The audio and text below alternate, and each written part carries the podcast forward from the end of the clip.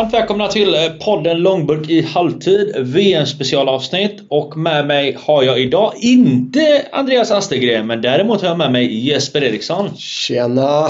Varmt välkommen! Tack! Eh, hur mås det? Jag mår bra.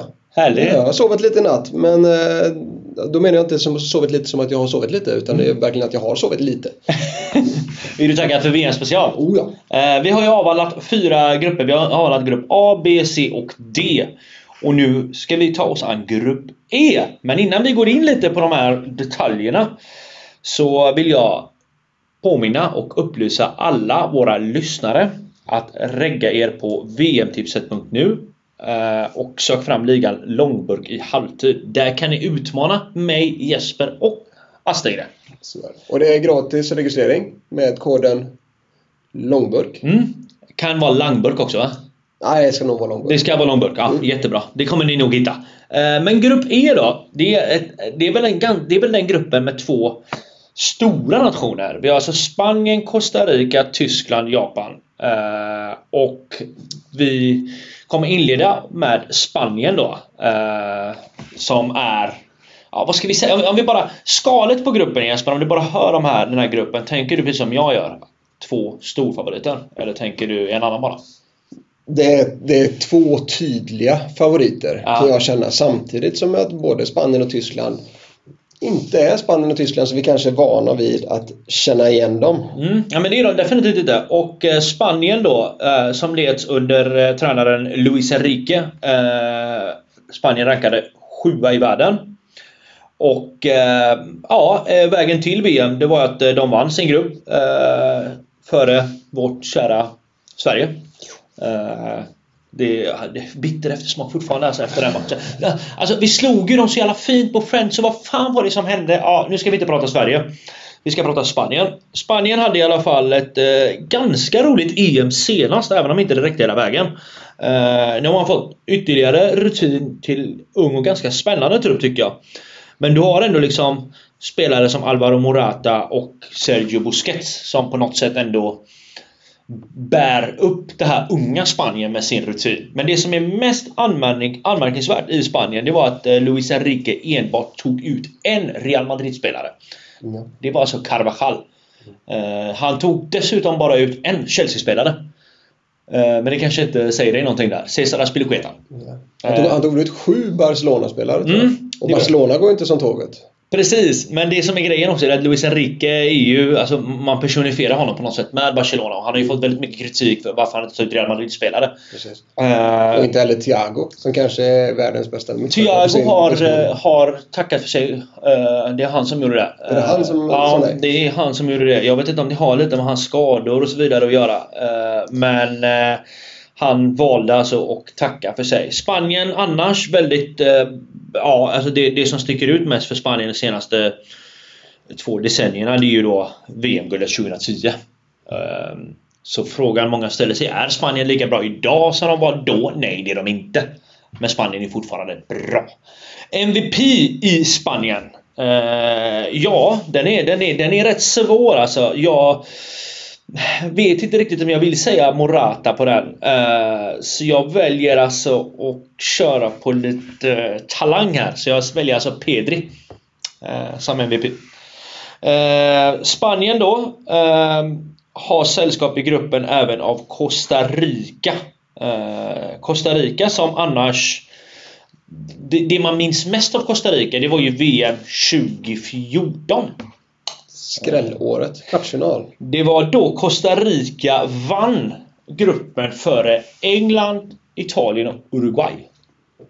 Det, det kunde man ju inte ana på förhand.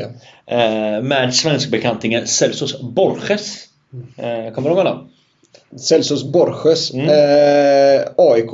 Mm. En gång i tiden. Jajamän! Eh, så att det var, det var en... Eh, det var ett riktigt skrällgäng. Eh, Costa Rica annars, eh, ja. Man, många lägger väl en liten parentes på att de kanske inte har den, de tuffaste motståndarna i deras kval, om man får säga så.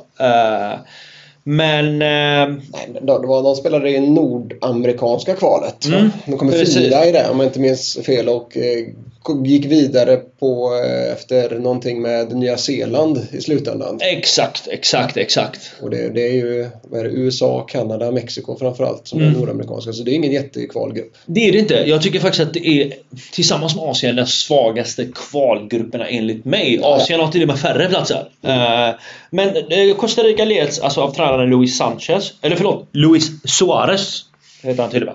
Eh, jag vet inte varför jag sa Sanchez där. Eh, och bästa målskytten i eh, kvalet Celso Borges. På två mål. Två, det är för jäkligt. Ja, det är helt sinnessjukt. De är rankade men- 31 i världen. Han är väl 30 x år nu för tiden också. Mm, ja, eh, tror han har passerat sina, alltså sin glansålder. Ja. Eh, Nej, jag tänker han spelade i AIK i början av 2010-talet och sen så drog han till Spanien efter det så att han, han måste vara upp mot en 35-36 år liksom på minst. ja. Får be våran eh, producent kolla upp detta. Mm. Eh, Costa- Rica 2-1 Sverige, VM 90, den svider också fortfarande. den gör det va? Ja. Men den glömde vi nu. Den glömde Jag älskar att Sverige kommer över varje gång vi ska prata grupper. Eh, MVP Costa Rica. Jag säger faktiskt Keylor Navas med tanke på det han har åstadkommit och de klubbar han har spelat i faktiskt. Håller han tätt så eh, kommer de fortfarande inte vinna någon grupp. Men de kommer ju gå 0-0 hela matchen. Ja, Det är lite så det ja, känns. ja, men lite så. Eh, sen har vi även Jesper, vi har Tyskland. Vi har Tyskland. Det Tyskland som inte är det Tyskland vi kanske känner igen.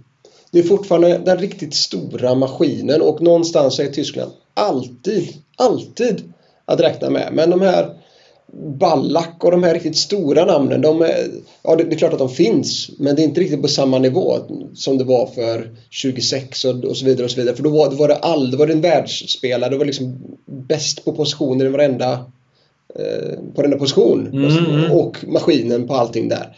Eh, det är fortfarande ett eh, otroligt fotbollslag och de kommer gå långt. Det är jag helt övertygad om.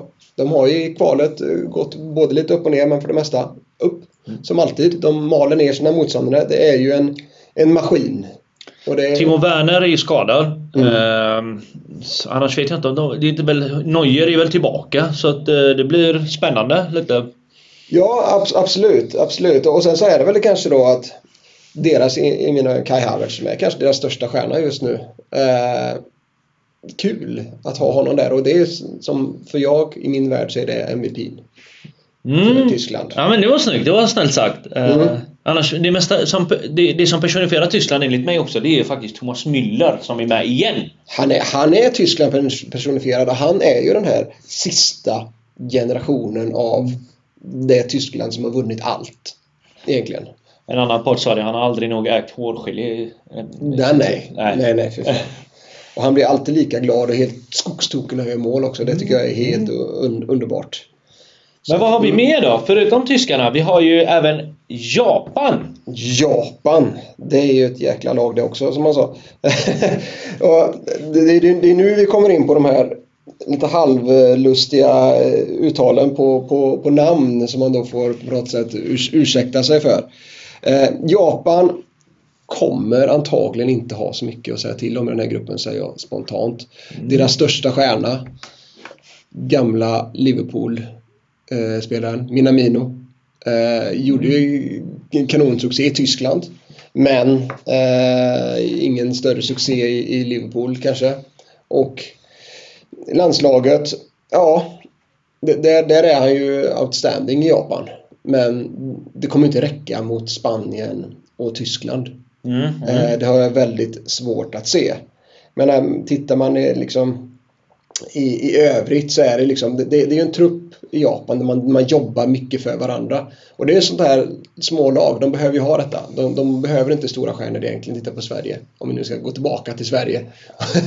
Igen. igen, igen. Det är inga stora stjärnor i Sverige heller egentligen. Men vi jobbar som ett lag och det är någonting som Japan gör också och många asiatiska lag, östasiatiska lag som vi säger då, eh, gör för detta. Och det, det skulle möjligtvis kunna vara Japans räddning. Men på det stora hela, nej, Japan kommer inte ta sig vidare från den här gruppen. MVP. Eh, Minamino eh, för Japan. Han, han är någonstans är han superviktig. Fan, jag håller inte med dig. Jag har Mitoma, Brighton-spelaren. Eh, jag vet inte varför, men ja. Jag tror att det gick lite på ditt Liverpool-hjärta där. Ja, nej, men Liverpool, han- var bra när han blev inbytt i Liverpool. Mm. Vilka tar sig vidare ur den här gruppen? Det är Spanien och Tyskland. Det, det ska det väl vara? Det va? ska vara Spanien och Tyskland. Om det inte blir att Costa Rica på något jäkla vänster gör det 0-0 och så vinner de, gör de 1-0 på straff. Mm. Jag säger att tyskarna vinner gruppen. De kommer vinna. Ja, det är bara för att jag tycker att Spanien har gått ner sig lite. Så att det kan hända att de kommer tvåa. Mm. Ja, Jag, tror, jag tror att Spanien kommer floppa i VM. De, går, de går vidare för att gruppen är så svag. Mm, jag tror att de möter i sådana fall, om jag tänker rätt nu, så är det, blir det kanske Belgien då, eller Kroatien i åttondelen. Då åker de. Mm, då åker de. Där har vi svaret. Stort tack Jesper! Ja, tack själv. På återseende. Tja! Tja!